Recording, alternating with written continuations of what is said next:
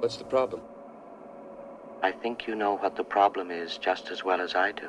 What are you talking about, Hal? This conversation can serve no purpose anymore. I don't know what you're talking about, Hal. Goodbye. Hal? Hal? Hal? Hal?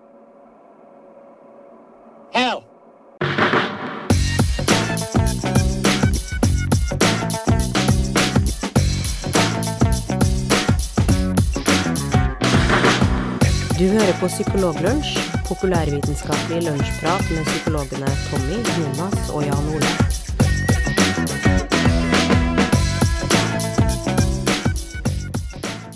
Ja, da er vi i gang med en ny episode av Psykologlunsj, eh, nummer 21 denne gangen.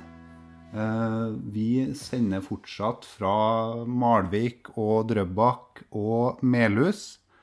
Eh, men så har vi også en gjest med oss i dag fra Oslo. Men han er egentlig fra Trondheim, han bor i hvert fall i Trondheim. Mm. Det er Svein Øverland, eh, som er en ganske sånn kjent og profilert eh, psykolog i, i Norge, i hvert fall. Eh, har masse jern i ilden, har ikke du det, Svein? Ja, fire-fem i hvert fall. ja. Men, men hovedjobben din er, er egentlig på, på Brøsset, er det det? Stemmer det? Det stemmer. På avdeling Brøsset ved St. Olavs hospital. Så det er en, eh, en avdeling eh, som jobber med sikkerhetspsykiatri, så det heter på godt eh, norsk. Og så er jeg tilknytta forvaringsavdelinga i Trondheim fengsel. Ja. Men, men kanskje de fleste kjenner deg som både kronikør og, og en aktiv foredragsholder, og en som også har starta med masse teknisk eh, app-virksomhet og eh, netterapi. Du har drevet på med mye forskjellig. Ja, eh, det er jo som du sier, det er jo den linken mellom teknologi og psykologi som jeg har vært interessert i, i lenge, men som jeg først nå ser at på en måte blir litt som et fellestrekk mellom de forskjellige tinga jeg gjør. Ja. Nå merker jeg at jeg, nå, nå ble jeg sånn radiointervjuer som virker, virker litt sånn dårlig forberedt. Eh, ja, vi, vi må jo introdusere de to andre som er med òg. Vi har med en Tommy fra Melhus. Uh, og så har vi en Jan Ole fra Drøbak. Dere er med oss fortsatt, dere Ja, Ja, ja. Vi sitter og hører på dere og alt spennende dere eh, snakker om. Eh, Jeg tenker Dyp på fascinasjon. Ja, vi gjør det. Eh, Du, jeg bare lurer på, Svein, sånn, du er jo aktiv på Du blogger jo og er i sosiale medier og sånt. Er, det, er du en sånn som har liksom vært sånn frampå med teknologi, og det, det var liksom helt naturlig at du havna inni det der, eller har du, hvordan, hvordan kom du på å begynne med alt det der? Eh, Jeg har vært, vært var nok tidlig ute i forhold til å bruke eh, internett som medium. I forhold til mer sånn, eh, sånn uh, bulleting boards, som det heter i gamle dager, BBS. Før skulle si, World Wide Web kom, altså før vi fikk grafikk og sånn. Uh, Og så var jeg tidlig ute med å få med datamaskin, eh, vil jeg nok si. Eh, Men eh, jeg har ikke vært så veldig opptatt av å bruke det sånn i jobbmessig før de siste ja, ti åra. Nå har jeg vært psykolog i 19, da. Så det er noe som, eh, som jeg etter hvert har sett nytten av. Men det handler også om at teknologien har jo bare blitt bedre og bedre. og Faktisk I går så sendte jeg inn et forord til den første norske boka om e-terapi som kommer ut neste år. Og Da beskriver jeg litt den reisen som du sier, med, med, med hvordan jeg på en måte snubla inn i det greiene der. og Det som er for så vidt nytt nå, er jo at teknologien faktisk fungerer. for si sånn. Eh, Før så var jo det veldig mange dingser og mye kult, da, men det funka ikke så bra, for å si det sånn. Ja. Ja. Ja, ja, eh, kan, du, kan du starte litt med, med For um, jeg, har jo, jeg har jo lest litt om det du har holdt på med, bl.a. at du har, eh, har eh, hatt en sånn type konsultasjonsvirksomhet gjennom noe som het Habbo. ja. Eh, Men eh, du starta sikkert tidligere enn det også. Eh, Kunne du tatt oss litt gjennom historikken? Ja, jeg følte meg veldig gammel her, da. Men ja. Eh, altså det begynte jo for min del da jeg studerte med at jeg leste om den, eh, den terapeutsimulatoren som heter for Elisa. Vet ikke om dere har hørt om den? Ja, den har vi snakka om, faktisk. Ja. Så Eliza den finnes for så vidt eh, fremdeles. eh, Og det er jo da en eh, datasimulering av en psykolog med, med noen enkle logaritmer som er f.eks. kobla inn til at hvis da Det her er tekstbasert. Slik at hvis man da en pasient skriver f.eks. et eller annet om far, så blir plutselig da så, så, så settes det i gang et spørsmål sånn ja, eh, hvilket forhold har du til din far? Altså noe veldig enkle med at eh, datamaskiner leter etter nøkkelord, og da reagerer med, med, med, med spørsmål. Og øh, den her ble jo såpass populær at det er veldig mange som bruker den fremdeles. Og sånn teknologisk så er jo det alltid den store spørsmålet når kan vi vite at en datamaskin eller en robot er en robot? Og kortversjonen er jo at ja, når folk tror at den er en robot, så har vi på en måte kommet over et visst nivå. Og det er gjort en del forsøk allerede da, da snakker vi sånn 70-tallet. Man viste at veldig mange trodde at Eliza faktisk var en ordentlig person. Og Det er litt det samme som man har nå i disse dager med sånn gemenoider, hvis dere har hørt om dem. Nei? En robot vil jo, Der er jo målet å gi en robot kunstig intelligens. Men en gemenoid er en kopi av en person, f.eks. av deg, Jonas. Nå kan vi ikke vite om det er du som sitter der, eller om det er en gemonoide. Og en, gemonoide vil være at du har massevis av sensorer på ansiktet ditt og på kroppen din. Slik at når du sitter f.eks. i Australia og blinker, så blinker gemonoiden din. Ja, og Den nærmeste gemonoiden vi har, er i, i, i Danmark. Københavnsuniversitetet. Han heter for Henrik. Og han har vært på senkveld med han der Thomas og Harald. Ja, ja. Ja. Og der, eh, der er det slik at folk har vært opp til muntlig eksamen og har da møtt en gemonide uten å avsløre at det er en gemonide. Og da er jo det en ordentlig person, men den er ikke der. Mm. Nei, så da, det, det der ordtaket med at du kan ikke være to steder på en gang, det er altså feil. Det kan du nå. Det kan være tusen ganger på en, en gang. Så, sånn sett så eh, vil man ta, kanskje tenke seg at f.eks. Svein Øverland da, har tre-fire geminoider, f.eks. Universitetet i Tromsø og i Trondheim. Og så på når jeg logger meg på, så kan det faktisk være der fysisk, i betydning av at gemenoiden er der fysisk. ja. Det er spennende, men prinsippet er det samme sånn uh, prinsipielt som på Eliza. Uh, på mange måter, da. Uh, bare at den geminoiden gemenoiden vil ha automatisk, vil ha delvis automatiserte, f.eks. at man blinker med øynene og har rykninger i munnviken for at, folk, at det skal se ordentlig ut. Men eh, eh, tenker du, nå, nå høres det jo her høres jo veldig sånn high- high-tech og veldig sånn eh, futuristisk ut. Og, og blande terapi inn i det her og kunne eh, kanskje snakke med personer langt unna. Men eh, du har jo Jeg tenker jo at det er andre bruksområder med det. Jeg tenker Det er jo kanskje plasser som ikke har så lett tilgang på terapeuter eller behandlere og som Ja.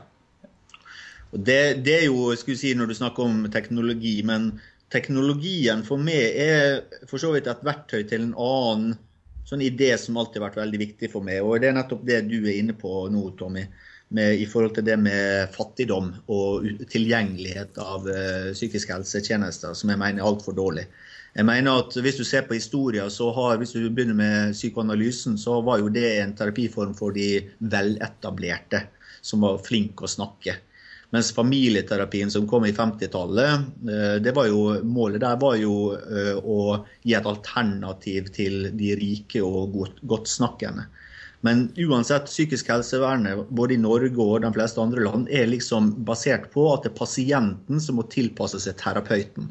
Og det mener jeg er, er helt vilt. Jeg mener det er jo den med mest makt som har øh, plikt til å tilpasse den med minst makt. Og terapeuten har mest makt i den situasjonen. her. Så jeg tenker det påhviler oss et ansvar å gjøre psykologi tilgjengelig på pasientens eh, premisser. Og Det er jo det som er morsomt med e-terapi, eller gemonid om du vil.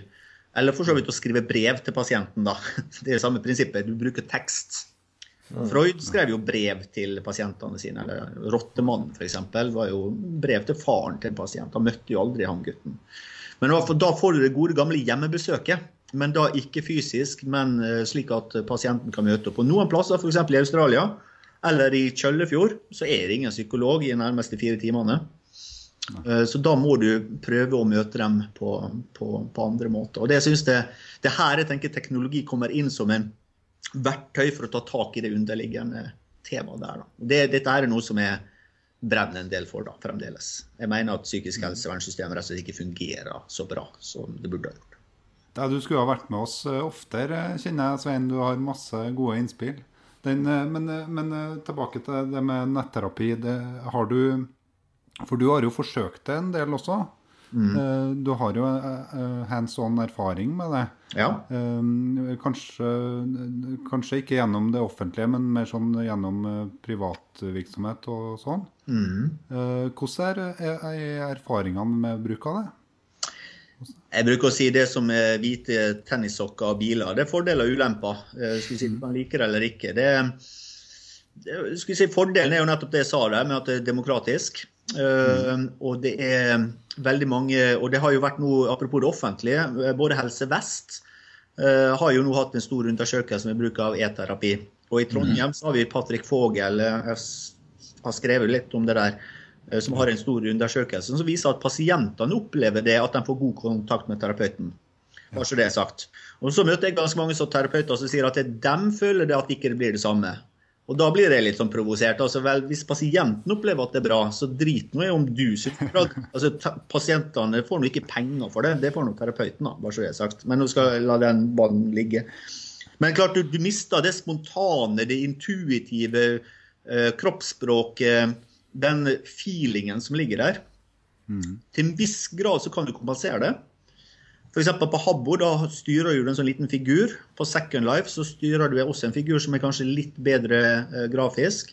På Inworld, som jeg har litt erfaring med, der kan du faktisk ha ansiktet sånn som på Skype inn i figuren din. Så da får du faktisk mimikk òg. men det vil jo aldri bli helt det samme. Selv ikke når vi begynner med geminoider. si så. sånn. Eh, Så, så det, det mister jo du, da. Og veldig mye psykologi handler jo om små ting som ikke er lett å finne ord på, og som ikke er lett å beskrive. Så klart eh, Det samme blir det aldri. Men det blir et supplement. Og så tenker jeg da at da kan pasienten velge, da. Vil pasienten skrive brev, telefonere, skype eller geminoide ere, eller hva det nå heter for noe, så er det at jeg tenker at da gir vi pasienten en meny. Akkurat som når du går inn på en restaurant, så vil du gjerne ha en meny. Du vil ikke bare si 'her må du ha kjøttkake'. Du skal liksom ha litt å velge mellom, og det tenker jeg igjen pasientene bør få lov å gjøre. Og så kan vi få lov å gi den biten på. Tenk- Tenker du at man eh, har man oversett litt det elementet? snakkes jo ofte om hva er de virksomme faktorene i terapi, hva er det som egentlig gjør at terapi fungerer? Har man oversett litt denne brukerbiten, og hva er det egentlig Hvordan kan vi være fleksible og tilpasse oss hva, hva man ønsker utover nødvendigvis hvilke tema man vil snakke om der og da? Ja, nå er ikke jeg noen sånn forsker på det, men jeg vil jo tenke at jeg, min, min, min erfaring er der. I, i, eh, i, eh, i eh, institusjonspsykiatri så har man et ordtak som sier at sobrilen virker best i lomma.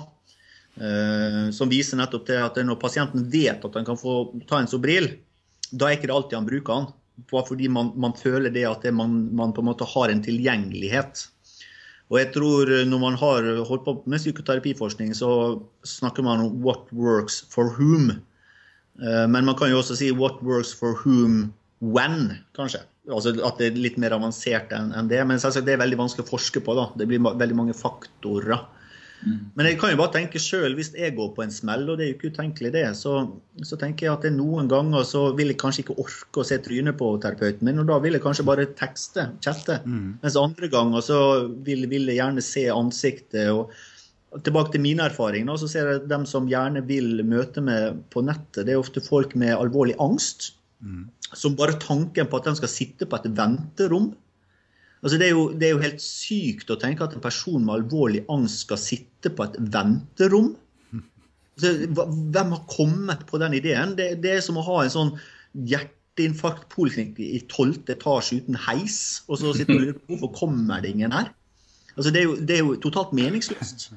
klart, hvis du, hvis du har angst, så har ikke du lyst til å sitte på et venterom.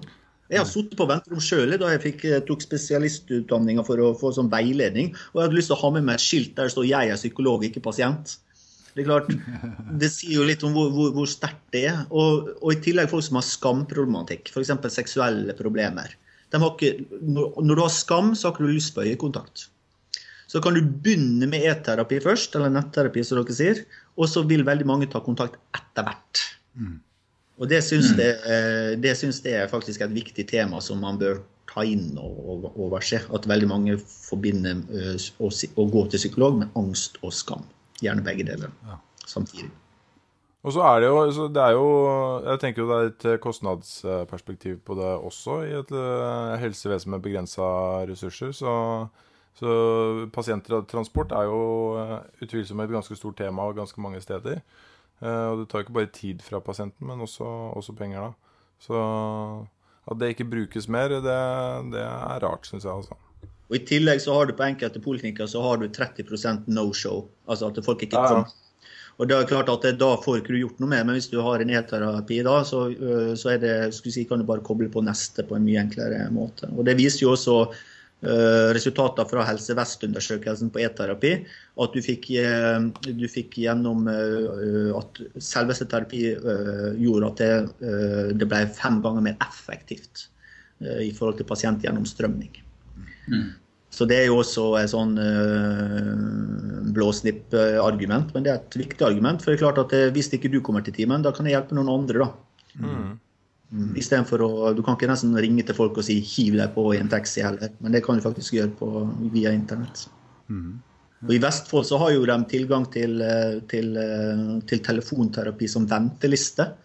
Okay. Eh, da kan folk velge da om de vil, vil, si ja eller nei. De mister ikke plassen sin, men det som viser seg at da, når de da får plass, så er det mange som sier vet du hva, jeg trenger ikke mer. Jeg har fått den hjelpa jeg trenger via selvhjelp og telefonkontakt. Ja.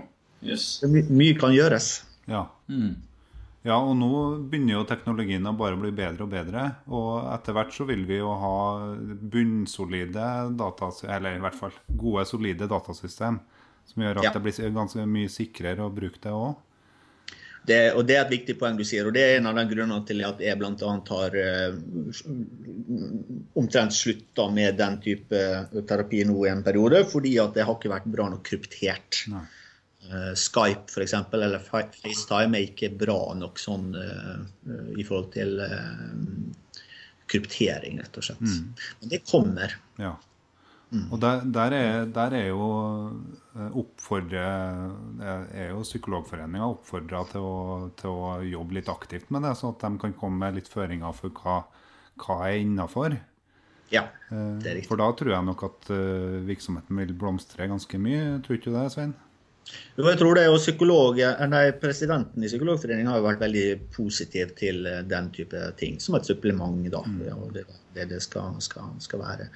Men, eh, og, og, som sagt det med Helse Vest nå, eh, og delvis også universitet, altså sykehus i Nord-Norge. Og nå også enkelte personer innenfor det kognitive miljøet på, på NTNU i Trondheim. Mm. Så det, det, skjer litt her og der. Ja. Så, og her har faktisk det offentlige et konkurransefortrinn. Fordi man har jo det norske helsenettet som er kryptert. Mm. Mm. Så det er en av få områder faktisk eh, det offentlige har et konkurransefortrinn innenfor den businessen. Men, men, det er jo litt interessant, for det virker på meg i hvert fall som at, eh, at den e-terapibølgen er også litt sånn drevet av, eh, av ildsjeler. da. Sånn mm. at, sånn at, etter hvert så vil jo systemene komme, kom til, og så, og så er, i hvert fall har jeg kjent på litt sånn frustrasjon for at, eh, at det ikke har kommet tidligere.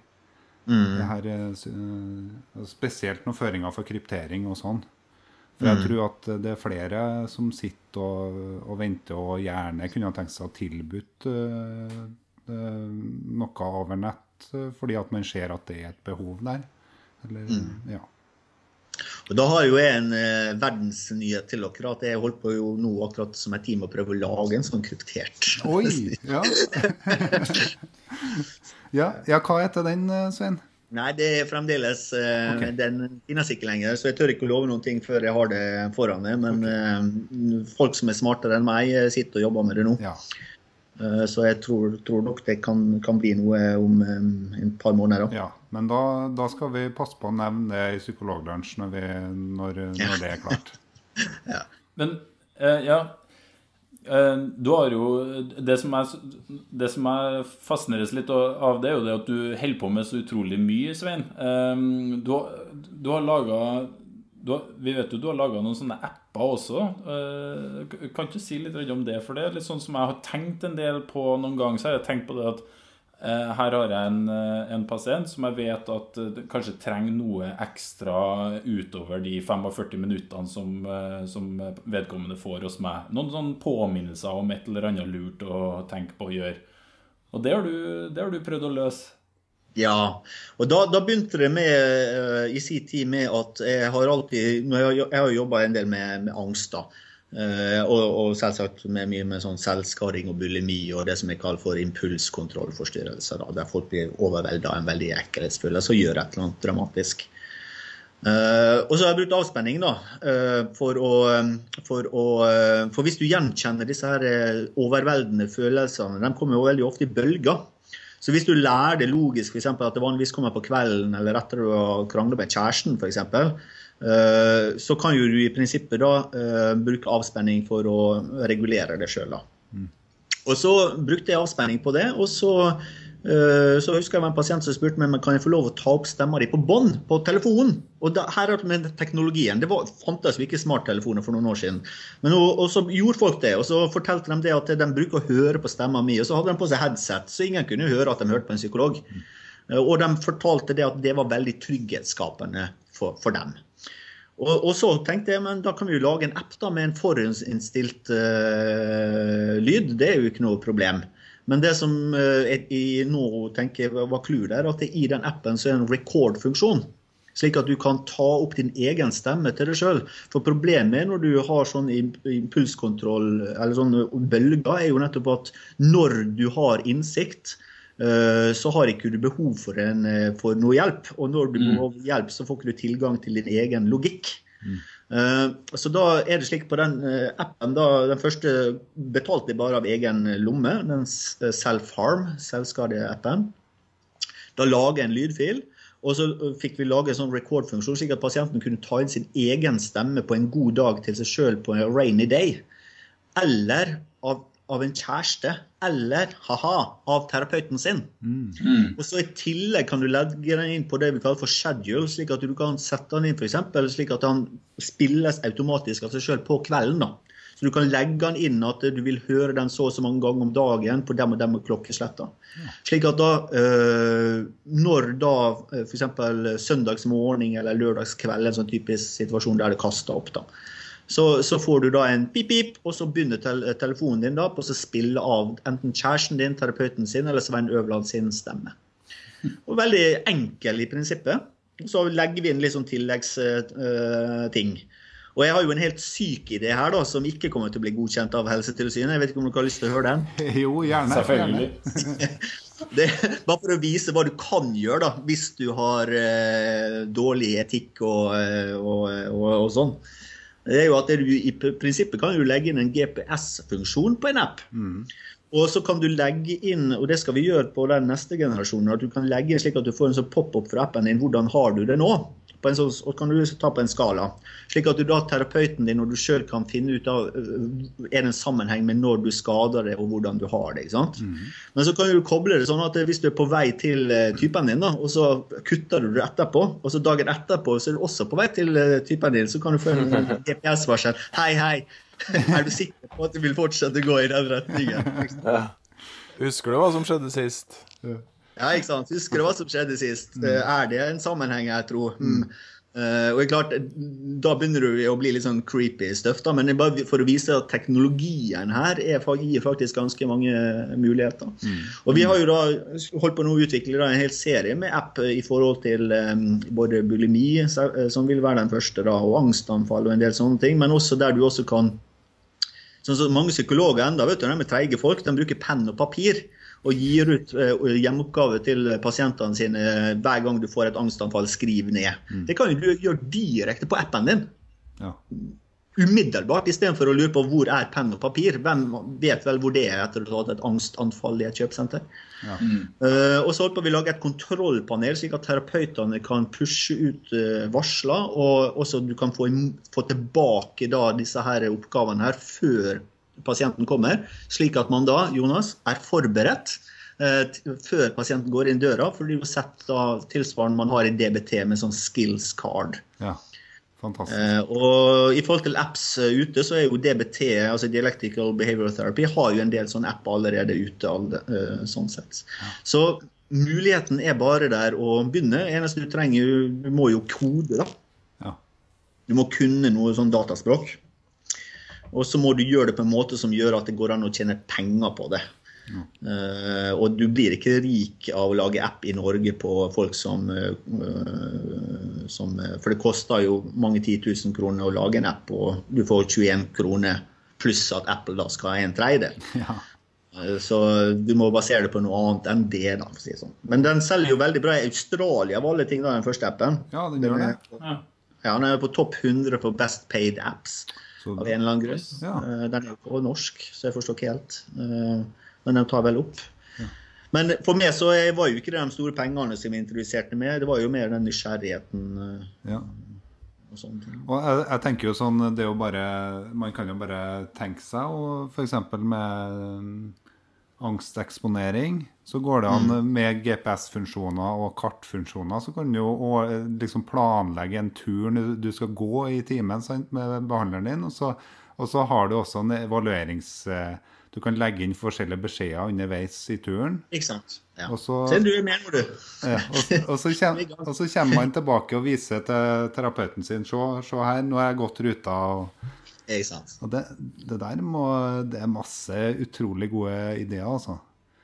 Og dere, dere er jo i gang, dere, men altså det, som, det som jeg er opptatt av, er nettopp at det skal være interaktiv. Ikke bare en, en, en digital brosjyre. Nei. Det skal, være no, det skal være en, en dialog, det skal være en dynamikk, og helst en trekantdynamikk mellom da pasienten øh, og, øh, og den appen, da, øh, og terapeuten. Ja. ja. Nei, det var Og gjerne med pårørende. Å, være pårørende til en person som sliter, det er ufattelig, ufattelig vanskelig. Jeg er jo sjøl far, og jeg kan bare tenke meg hvis dattera mi hadde på en måte fått et sånn svært problem, så ville jeg følt meg veldig handlingslamma. Så å gi faktisk pårørende, f.eks. For foreldre, muligheten til å hjelpe dem, f.eks. med å lese inn en sånn hyggelig historie på en app, det føler faktisk den pårørende som faktisk veldig nyttig. Og, det å, og da er vi tilbake til det der å, å, å få folk til å føle seg nyttig og til hjelp. Det er veldig, veldig viktig, det. Det å føle at du er maktesløs, er sannsynligvis det er en av de verste følelsene som finnes i, i verden.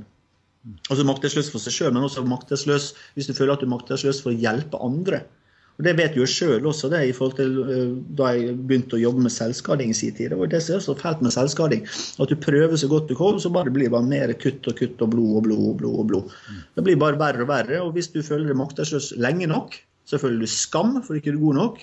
Og hakket etter skam, så kommer hat. Og da begynner det å bli ganske skumle kombinasjoner her også. Det er jo um, du, du er jo litt der uh, Det vi holder på å prøve litt med det her nå, ikke sant, det her med podkast og sånn, det er jo det her med å få litt sånn psykologi og få kunnskap ut til folket. Få det litt sånn ut, selv om vi kanskje har litt mer sånn uh, oftere en litt mer sånn normal psykologisk vinkling, da. Jeg tenker at det er ganske viktig for folk å få den kunnskapen og få vite litt mer om seg sjøl. For at folk, eh, folk vet kanskje ikke så mye om det. Du gjør jo i dine foredrag en del poeng ut av å sammenligne eh, Bruk deg sjøl og dra deg, dine, din egen person inn i, i foredragene, har jeg fått inntrykk av. Gjør du ikke det? Normalisere det, si at det er en, en del eh, reaksjoner og en del ting som er vanlig for alle. Altså Det dere gjør uh, gjennom det dere gjør, tenker jeg er på mange måter viktigere enn hva jeg gjør. Rett og slett for at det noen ganger så skal du begynne med det enkle først. Uh, og det som, det som er så dumt med, med, med psykisk helsevern, er jo at øh, veldig mange fremdeles har voldsomme fordommer mot psykologer.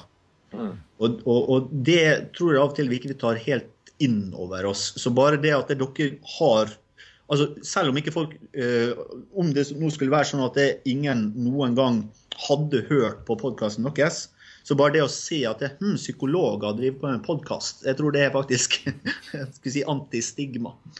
Eh, og psykologrollen også har jo forandra seg enormt bare i den, den tida jeg har vært psykolog. Fra å være sånn, sånn uformell raring med, med, med lite formell makt, men mye uformell makt, til at nå, er for eksempel, nå blir jeg seksjonssjef over nyttår og har vedtaksmyndighet og, og alt mulig slags eh, liksom, ja, i retten og alt mulig sånn. Men fremdeles har folk en sånn opplevelse av at psykologer enten er litt sånn gale sjøl, eller at det er veldig sånn skummelt. Så bare det dere gjør nå, er, er, vil jeg si, antistigma-arbeid. Jeg husker når jeg var nyutdanna. Det første jeg gjorde, var å prøve å anlegge skjegg. For å prøve å se eldre ut enn jeg var. Det, det, det sier du bare fordi at jeg sitter her med skjegg nå. Eh, jeg, kjenner, jeg kjenner noen som har prøvd å begynne med pipe også. Men det var for å, for å prøve å leve opp til den forventninga folk hadde. Og da, da, da var det flere som sa at du er jo ung for å være psykolog. Eh, og for, så folk liksom ser for seg en sånn gammel mann med hvitt skjegg. Da Sigmund Freud, liksom. Ja, det, det, var jo, det var jo faktisk eh, det aller første spørsmålet vi fikk inn, var jo eh, et spørsmål om psykologer var, eh, var gærnere enn folk flest, da. ja, riktig. Ja. Så hva svarte du da? Ja, vi måtte jo bekrefte det umiddelbart, selvfølgelig. Nei, men det, det er en eh, det er, det er en myte som sitter igjen, det òg, altså. Og, og, og at det er noe sånn veldig, veldig rart med disse psykologene. Mm. Så det, det håper vi at vi kan bidra til å avmystifisere litt. Mm. Ja, det, og det tror, det tror jeg er viktig. Og det er det som er fordel, fordelen med. Sånn, så nå var det schizofrenidagene, og da foreleste vi for nesten 2000 ungdommer i salen. ikke sant? Eh, sammen med Per Inge Torkelsen eh, etterpå. Det er klart at det, en, en sånn opptreden der det faktisk går an å så si noen ting som psykolog uten å snakke om død eller statistikk, på en måte, det tror jeg faktisk er ganske viktig. Ja. Så, så det er folkeopplysning dere, dere gjør. eh, Så hatten av, hatten av for det. Eh, Neste bør jo være et TV-program, spør du meg, da. Men eh, det får nå bli. Det, den, eh, den ballen legger vi over til Jan Ole, som har eh, sånne lange fingre inn i TV-bransjen. Så det må du ordne, Jan Ole. Jobbe med saken. Ja, flott. Men øh, skal vi øh, jeg, jeg blir litt sånn brydd når, når det er skryt og sånne ting. Men, øh, så, det, så derfor går vi over på det, Du har jo drevet på en del med bloggvirksomhet også, Svein. Eh, Og jeg har jo fått med meg at øh, du sammen med to andre så, så du, har du gitt ut ei bok. Eh, som er en samling av øh, bloggtekster, er ikke det? Jo, to uker siden. Mm. Kan du fortelle litt om den, eller? Eh, ja, eh, det var jo Uh, En av de tingene som jeg liker å drive på med, er jo nettopp det med sjangerblanding. da. Og jeg har jo, har jo etter hvert skrevet en del bøker. Uh, skrevet to bøker sjøl, helt alene, og så har jeg vært med på flere andre. Uh, håndbøker i kognitiv terapi og ja, mye, mye forskjellig. Eh, men for noen år siden, hvis vi bare spoler lenger tilbake, så, så var jeg med og så, Eller ikke var med og skrev, det var kanskje å ta litt hardt i. Men det var ei jente som het for Ida, som, som, som skrev en bok sammen med sine søstre om hvordan hun som pasient og dem som pårørende. Og så hadde en da Finn Skårdrud og meg som skrev et kapittel hver.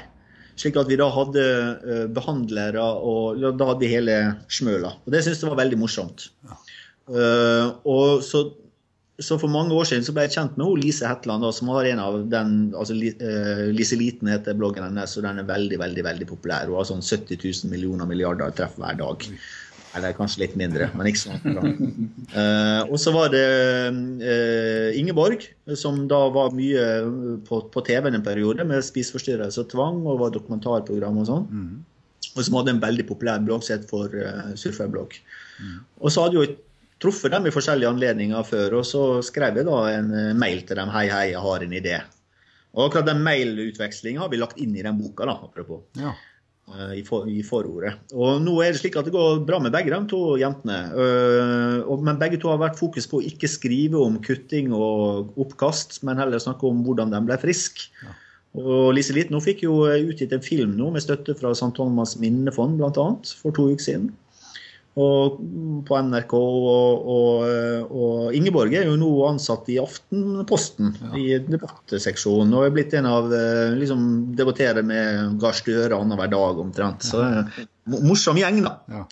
Så vi har rett og slett uh, plukka ut ti av dem, uh, hver av en av oss plukka ut de ti beste bloggene som vi noensinne har skrevet, og så lager vi en bok av det. Av kortversjoner. ja.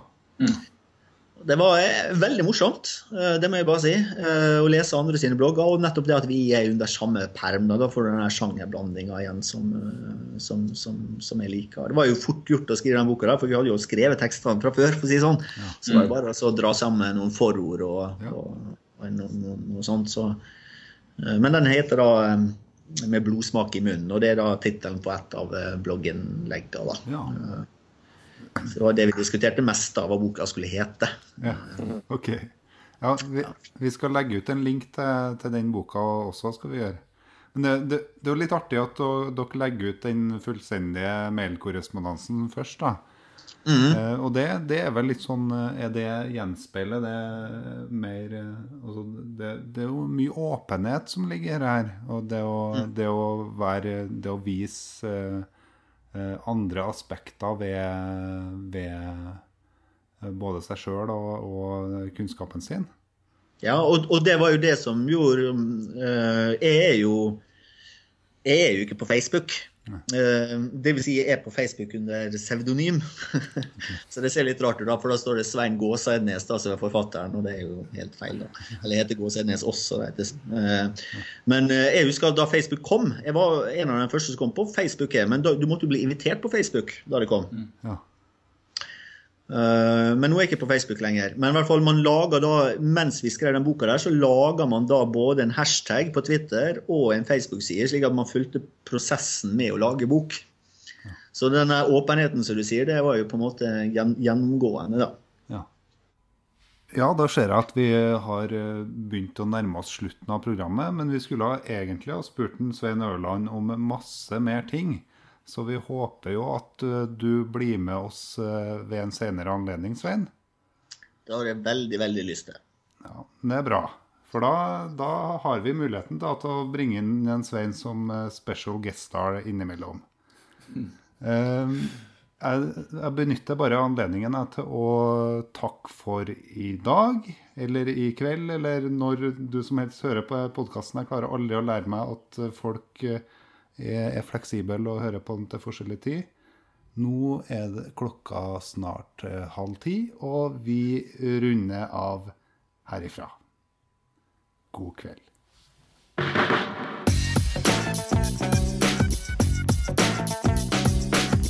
Du har nå lytta til Psykologlunsj. Har du noen spørsmål, kan du søke opp Psykologlunsj på Twitter, eller du kan sende en e-post til psykologlunsj alfakrøll gmail.com. Mer informasjon om temaet du har hørt i dag, finner du på psykologibloggen.no og tankesmed.no.